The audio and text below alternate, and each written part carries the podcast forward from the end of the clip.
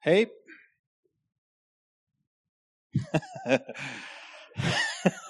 ja, vi starter som alltid. Hei. Der ja, var vi. God dag. Hyggelig å se dere. Det er godt, ja. Ehm, jeg skal tale. Og Sist gang så var det Rune som tala. Og han snakka ut ifra femte Mosebok, og i et kapittel som da er seks. Og der leste han ifra vers 4 om det Jeg kan bare ta det og si det. Om det å elske Herren,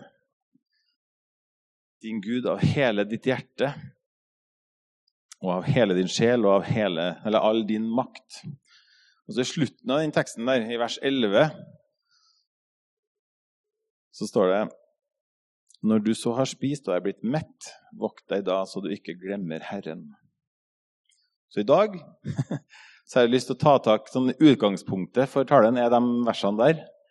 Så hvis du ikke var der sist gang, så må du høre den talen før du hører meg nå.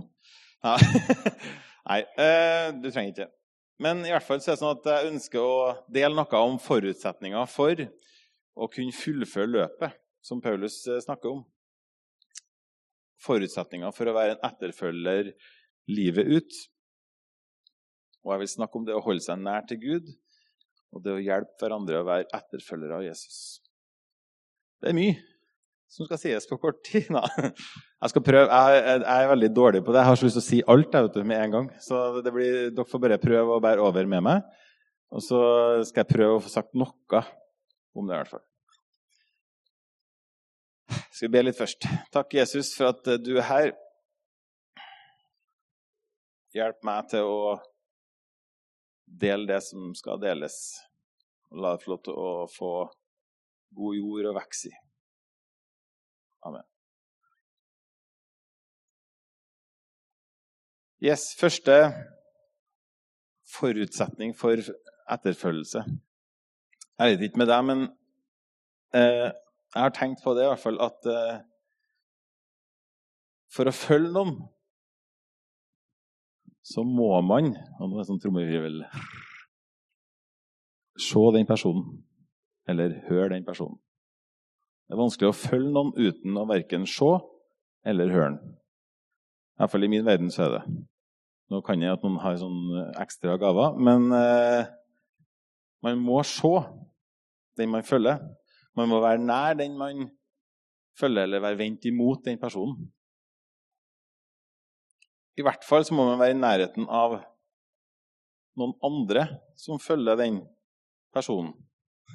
Som ser den personen, eller hører den personen. Du ser for deg en sånn tur i fjellet, og du går, og så er det sånn 100 stykker på rekke, så er det klart det kan være vanskelig å se den første framme her som leder gruppa. Men det kan hende at du ser han foran deg. Skjønner dere hva jeg mener? Så du må ikke se han alltid, men du kan i hvert fall se noen av dem du har rundt deg. Og i Jakob, i kapittel 4 og vers 8, så står det Hold dere nær til Gud, så skal Han holde seg nær til dere. Et kort vers, men som jeg mener og tror er kjemperelevant for det å snakke om etterfølgelse livet ut. Hold dere nær til Gud, så skal Han holde seg nær til dere. Så hvis de skal være etterfølgere av eh, Jesus, og sånn som Rune delte om sist gang, elsker Han, elsker Herren vår Gud av hele vårt hjerte og av hele vår sjel og all vår makt, hvordan ser det ut? Hvordan gjør vi det? Og jeg tror nok svaret på det er veldig forskjellig fra person til person. I utgangspunktet tror jeg det kan se ut veldig forskjellig. Og jeg tror det er ment til å være større forskjeller, egentlig, enn det vi ofte ser i vår dessverre litt homogene og like kirke eller menighet eller fellesskap. Nå snakker jeg ikke bare om her, men jeg snakker om sånn hele verdenskirka. Vi blir veldig fort like. Men jeg tror egentlig det er ment at vi skal være forskjellige. Da. Det er en styrke for en kirke å ha forskjelligheter i kirka si. Men jeg tror vi liker, liker best å følge strømmen. Vi liker ikke så veldig mange av oss å skille oss ut. Og så finnes det noen sånne koder og kjøreregler og eh, normer og uskrevne regler som vi ubevisst eller bevisst preges av når vi er sammen. Eh, de menneskene som vi har rundt oss, de er med å prege vår etterfølgelse. Og som etterfølgelse av Jesus så følger vi selvfølgelig Jesus. Det håper jeg i hvert fall. Men vi følger også hverandre. Mer enn vi kanskje er klar over. Og derfor så er etterfølgelsen din utrolig viktig. Den er viktig for meg, og min etterfølgelse er viktig for deg. Og din etterfølgelse er viktig for Skjønner dere? Vår etterfølgelse, hver og en av oss, er viktig for oss alle, for fellesskapet. Fordi vi følger hverandre. Det er litt sånn som i en familie. Ungene tar etter foreldrene sine. De eh, tar etter det som er normen i huset. På godt og vondt. Men ungene de eh, får vaner. De får måte å snakke på. Og de preges av hvordan man er i den familien man bor i. Jeg ser det i hvert fall i mine barn. Eh, kona mi kan være litt eh, trist å lei seg for det av og til, fordi jeg er veldig sånn plystrer av meg det har generert at vi har blitt flere plystrere i huset. og det Sånn er livet. Eh, så når jeg og Philip drar i gang tostemt plystring på favorittsangen vår, så hender det seg at eh, Marianne får litt nok. Nei da, dere skjønner poenget. Vi preges av den gjengen vi er, og vi formes av den gjengen vi er. og Sånn er det ment å være. Men jeg ser det i hvert fall i ungene mine, så jeg får både tørre vitser og plystring og mer til. Og sånn er vi voksne også. Det er ikke bare ungene som er sånn. F.eks. på jobb. Om det er ny en jobb, eksempel, eller ikke, si, så er det litt sånn du følger kollegaene dine. Du prøver å skjønne ok, hvordan gjør vi det her. Hva skal vi se her nå? Finne ut av systemet, hvem som er litt sånn sjefen, ikke sjefen. og Hvor skal jeg plassere meg hen, og hva skal jeg si, hva kan jeg ikke si? Eh, finne ut hvordan reglene er. Hvem er det vi tør å være i denne settingen? Alt dette det handler om kultur. Og det er viktig å være det bevisst som en etterfølger. Hvilken kultur vil vi ha, kirka vår? Og hvilken kultur er det som hjelper oss å være etterfølgere av Jesus livet ut? og som hjelper oss til å holde oss nær til Gud. Det er i hvert fall sånn at du ikke går i kirke for å passe inn. Det håper jeg i hvert fall ikke at du gjør. Og Gjør du det, så beklager jeg på vegne av hele kirka hvis du føler at du går i kirke for å skal klare å passe inn. For det er ikke det meninga med kirke er.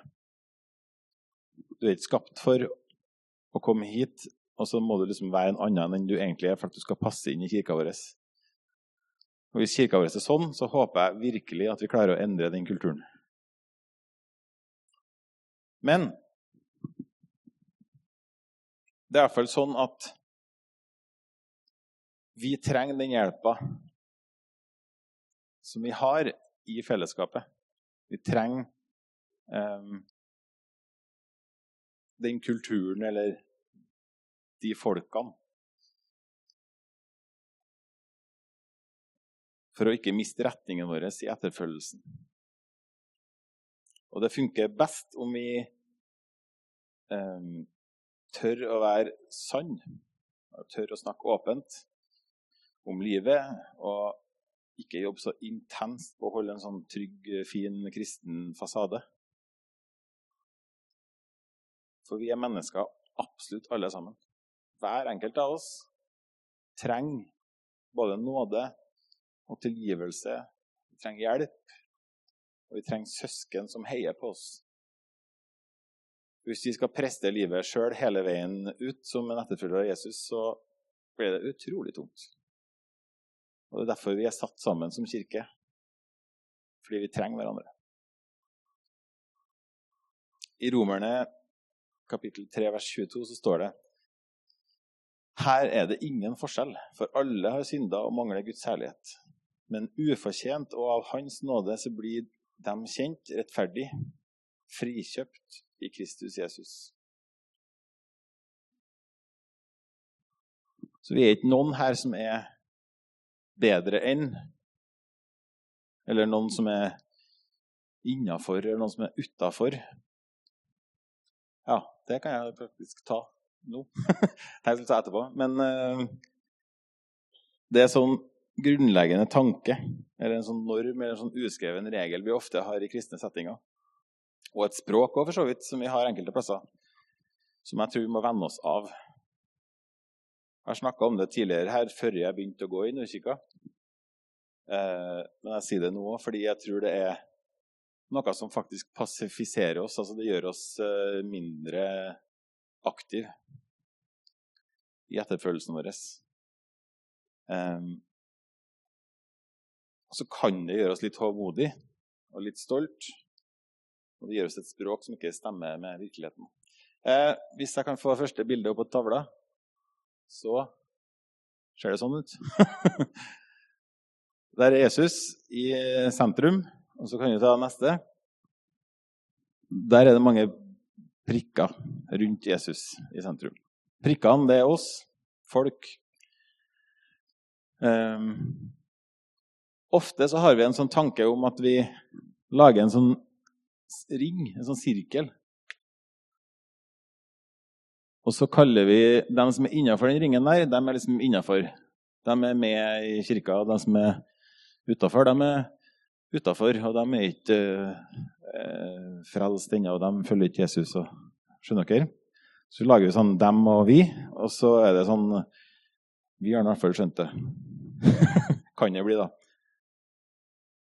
Eller så kan det bli en sånn typisk eh, jeg er trygt på plass i denne båten, så jeg trenger ikke å stresse så hardt.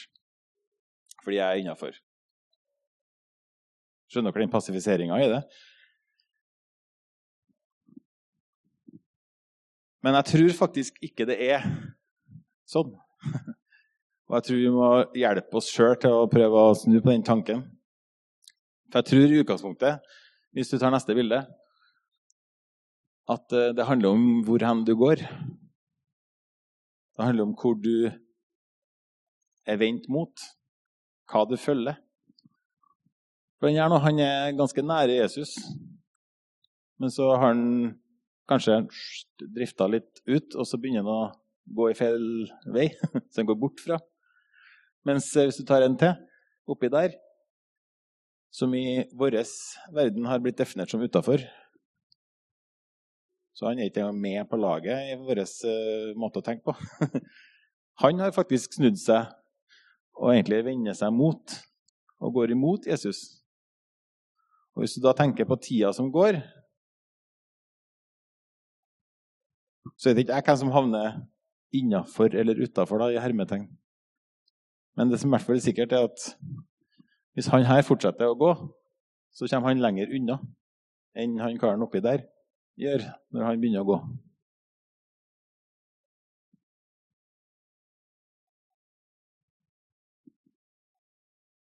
Så jeg tror vi må skifte litt sånn verdensbilde, eller litt sånn tanken vår rundt akkurat det der. Ta neste bilde, og heller tenke sånn. Det gjelder alle mennesker. Jeg tror at Jesus er midt iblant oss.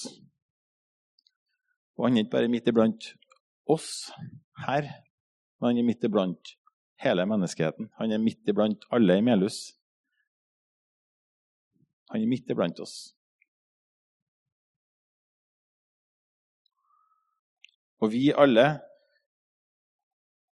kan få lov til å oppleve Jesus der vi er.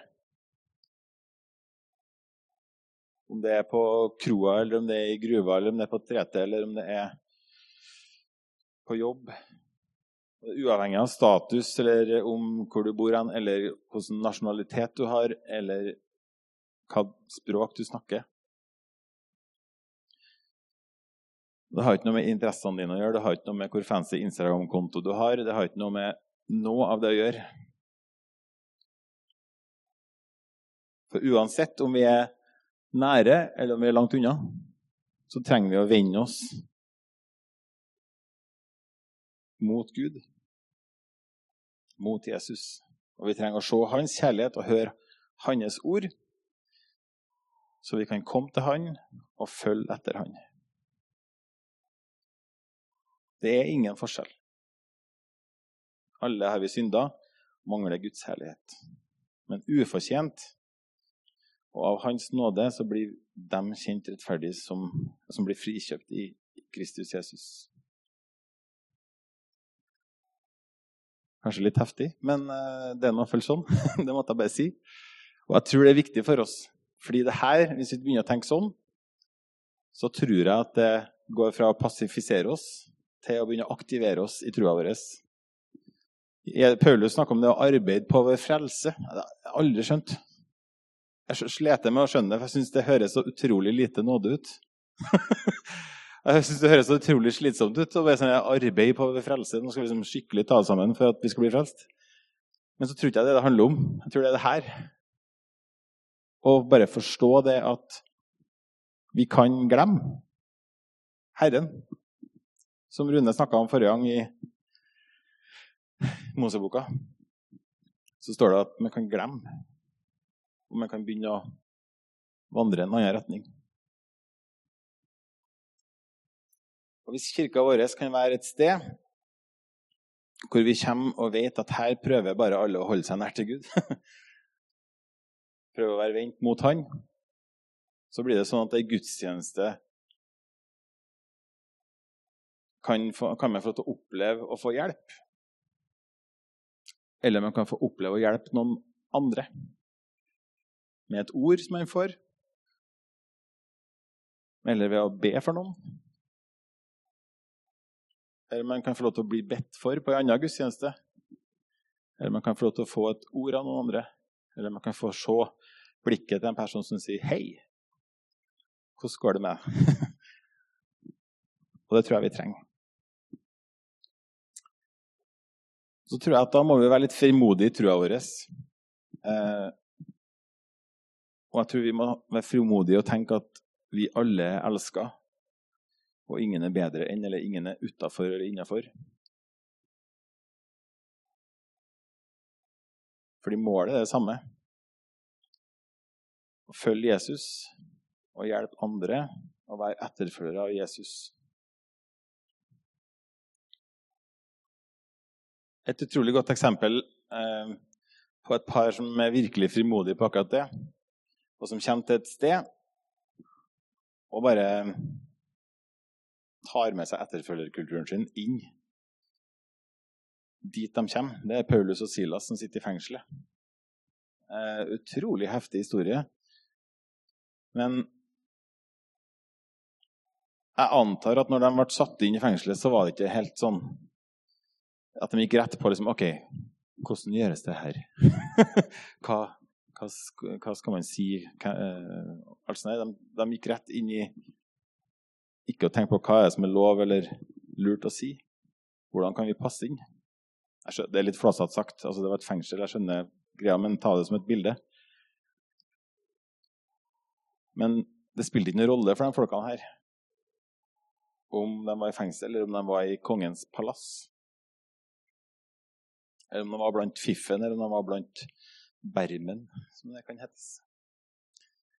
De var sanne, de var hel ved, og de levde som om både dem sjøl og alle andre trengte Jesus.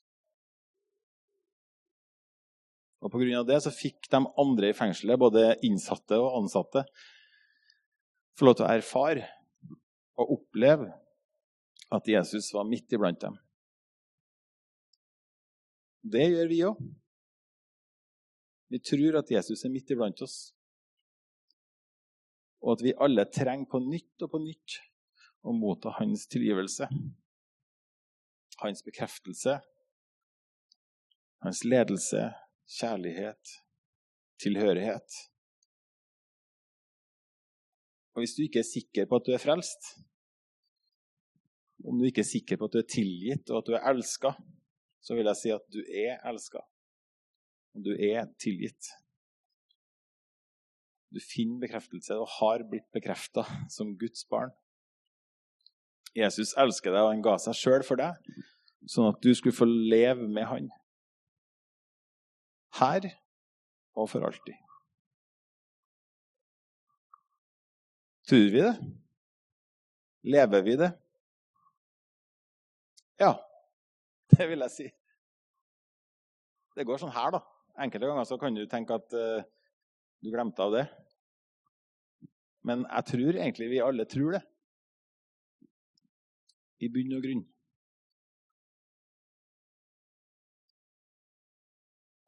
Kan vi da leve på en måte som gjør det enklere for oss, eller enkelt for oss og andre rundt oss å oppleve og erfare Gud som nær? I en hektisk hverdag med unger og taxikjøring og jobb og overtid og slitne kropper og slitne sofaer?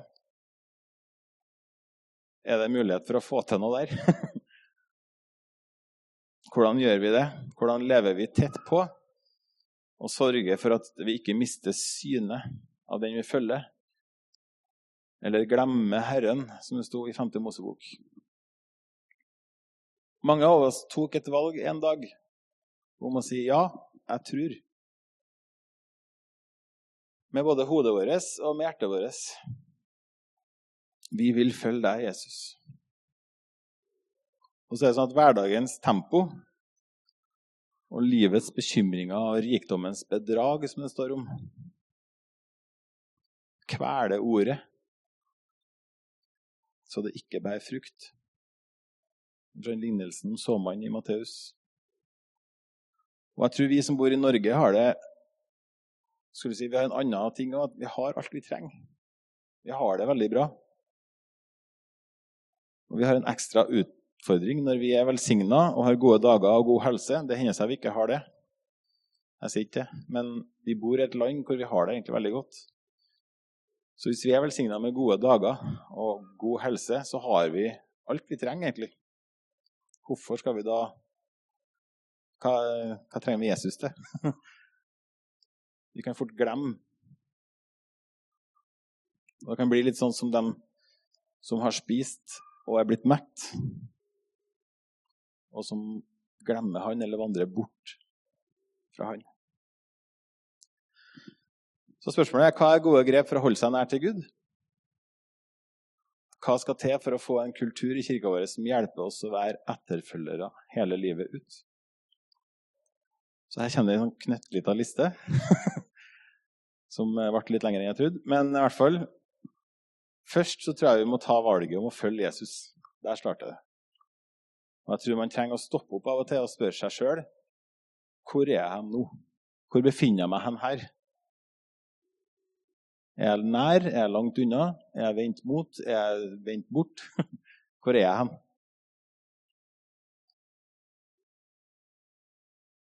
Og Jeg tror vi trenger å be om tilgivelse overfor Gud, men også dem som vi har rundt oss. For jeg tror synd kan gjøre det utrolig vanskelig å holde seg nært. Både ektefellen eller andre du har i livet ditt, men også Gud. Han som ikke tåler synd. Det kan bli vanskelig. Men så har vi muligheten til å si ah, tilgi meg. Få starte på nytt igjen. Og hos Gud så er det Da får du det. Ja, jeg tilgir det. For oss menneskene imellom så er det der mer trøblete. Det er ikke sånn quick fix-løsning. og det er ikke bare sånn ja, det er bare tilgi, så ordner det seg. Sånn er ikke verden. Men jeg tror vi trenger å be om tilgivelse når vi kan. Og så trenger vi Den hellige ånd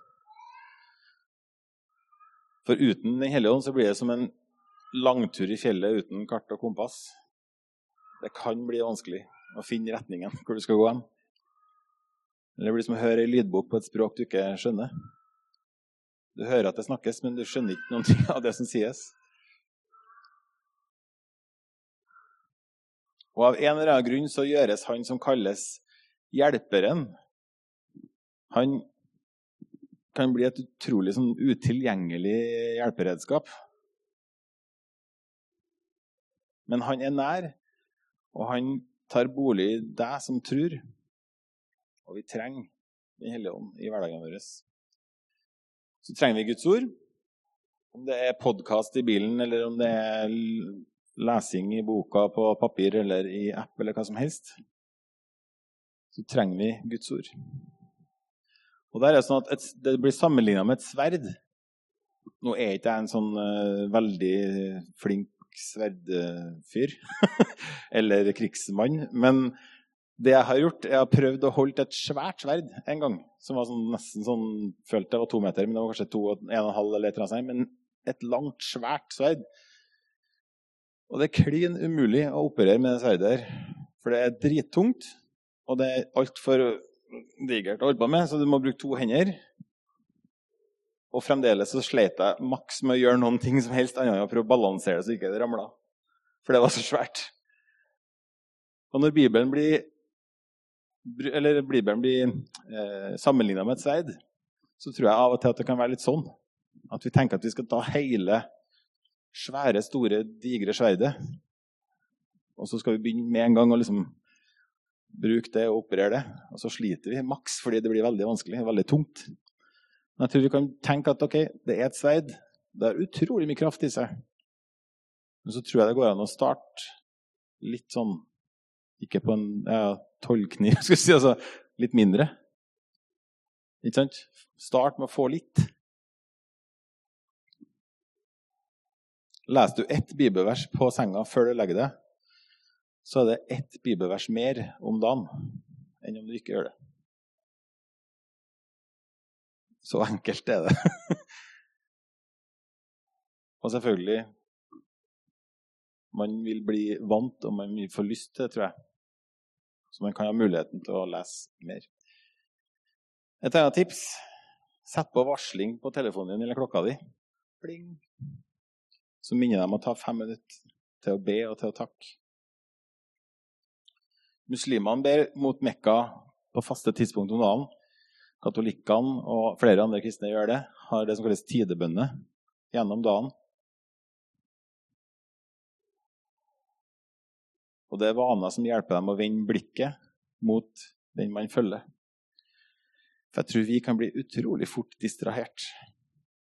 Og mer og mer distrahert for hver nye arbeidsoppgave som kommer, eller nye app eller serie, kommentar eller dopamindose som kommer.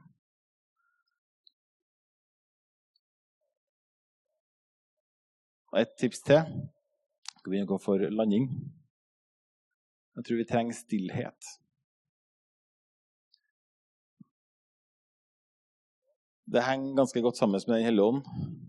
Men jeg tror stillhet er en av de tingene og de tipsene og rådene som ofte er vanskelig for oss å få til. I hvert fall for meg sjøl vet jeg at det er sånn. Jeg tror ikke jeg er helt unik på akkurat det området. Men det å finne stillheten og roen, roen både sånn fysisk kan være vanskelig med alle unger og alle ting som skjer eh, overalt hele tida. Men også på innsida kan det være vanskelig. At man er ikke vant til stillhet. Og for flere og flere av oss, særlig de som er yngre, så tror jeg det blir vanskeligere og vanskeligere med stillhet. Stillhet er skummelt. Det er truende. Det er, det er liksom åh, jeg liker stillhet. For da kommer alle tanker, og da kommer hva skal jeg gjøre nå? Og alt blir vanskelig. Vi er redd for hva som møter oss hvis vi blir stille. Og det er Noen som har sagt at den gode stillheten har nærværet i seg og gir den dypere freden som vi trenger. Og jeg tror at det ligger noe i det. At uh, ved å tørre å ta litt stillhet, så vil vi kunne oppleve nærværet og en fred på en annen måte, som jeg tror vi trenger. Og da er det igjen sånn som med sverdet. Ikke start med liksom å ta en dag av, skal, eller helg, hvor du skal bare være helt stille og ikke si noe. Det kan bli litt sånn overkill for enkelte. Men hvis du starter med å ta OK, nå tar jeg to minutter, eller fem minutter Og så ikke sett deg i stillhet med AirPods og hør på den fineste låtsangen du kan. Men legg bort alt. Og så bare du stille i fem minutter. Prøv det. Så tror jeg at det vil være noe som gir deg noe. Yes. Um, et tips det er å vende om og tro på at og forstå at du er viktig for kirka sin etterfølgelse av Jesus. Det at du kommer, og at du er her, og at du justerer kursen din til å gå imot Jesus og følge Jesus, det hjelper oss andre til å følge etter Han. Tør å tro og tør å spørre om du skal be for noen. Når du står i en prat, og ikke bare si 'Jeg skal be for deg'. Og så kan jeg at du husker på det når du kommer hjem. Men tør å spørre der og da kan jeg få lov til å be for deg her. For meg så er det helt rart. Jeg har ikke så mange venner men jeg har noen, altså, ja, har ikke så mange venner som, som sier det. Men i går eksempel, så ringte en kamerat til meg og så sier han, eh, etter vi er ferdig med å prate sånn vanlig prat, som alle prater, så sier han eh, ja, kan ikke jeg få be for deg, da?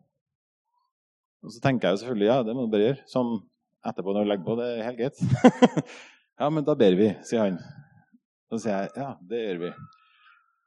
Og så ber han. Så da sitter jeg i bilen utafor huset mitt med handsfree-en på, og han ber for meg. men det gjør noe med trua mi. At noen stopper når jeg skal ut fra et besøk, og så sier jeg men du, det du snakka om i stad, kan du ikke bare be litt for det før du drar?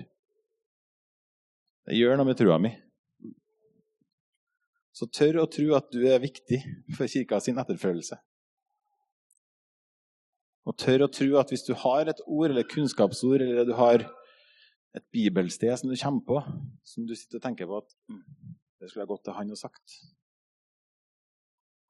så kan den oppmuntringa være noe som folk trenger for å kunne komme nærere til Jesus, for å vende seg mot han. Og så et tips som er ganske likt. I stad var det 'vend om og tro på å forstå at du er viktig for kirka. Men også vende om og tro på å forstå at kirka er viktig for din etterfølgelse av Jesus. For de to henger sammen. Noen ganger så får vi, og noen ganger så gir vi. Og sånn er livet. Og vi kan få lov til å gi når vi har det tungt, og når vi har det vanskelig, og når livet ikke funker. Og vi kan få lov til å gi når vi har det bra, og livet funker. Og vi kan få lov til å få når vi har det tungt og vanskelig, og når vi har det bra. Vi trenger det hele veien. Ok. Da har vi noen praktiske ting som vi kan gjøre. um, ting vi kan tørre å tro på, og vaner vi kan ha for å vokse og vaner vi kan ha for å vokte oss så vi ikke glemmer Herren. Og Sjøl om det kan virke litt sånn lite sterkt eller lite åndelig, så høstes det utrolig mye åndelig frukt. Og hjelp til etterfølgelse gjennom vaner og praktiske ting. Og Det er med på å hjelpe oss til å se og høre Han som vi følger. Så elsk Herren din Gud av hele ditt hjerte og av hele din sjel og av all din makt. Bruk din makt til å ta en bestemmelse. til å gjøre prioriteringer og til å ha en besluttsomhet i det å være ekte og tro og sann til å følge Jesus. Skal vi be.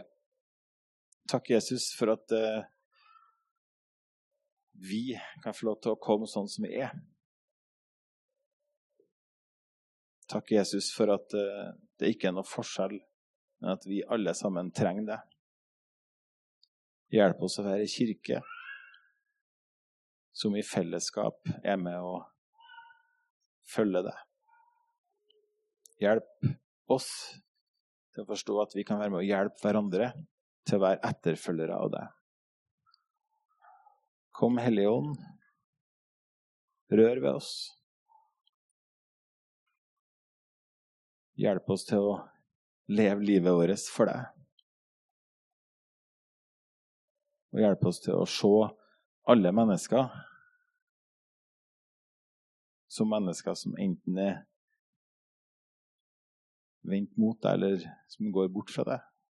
Om de er nær eller fjern, så kan alle sammen få lov til å oppleve at du er midt iblant oss. Amen.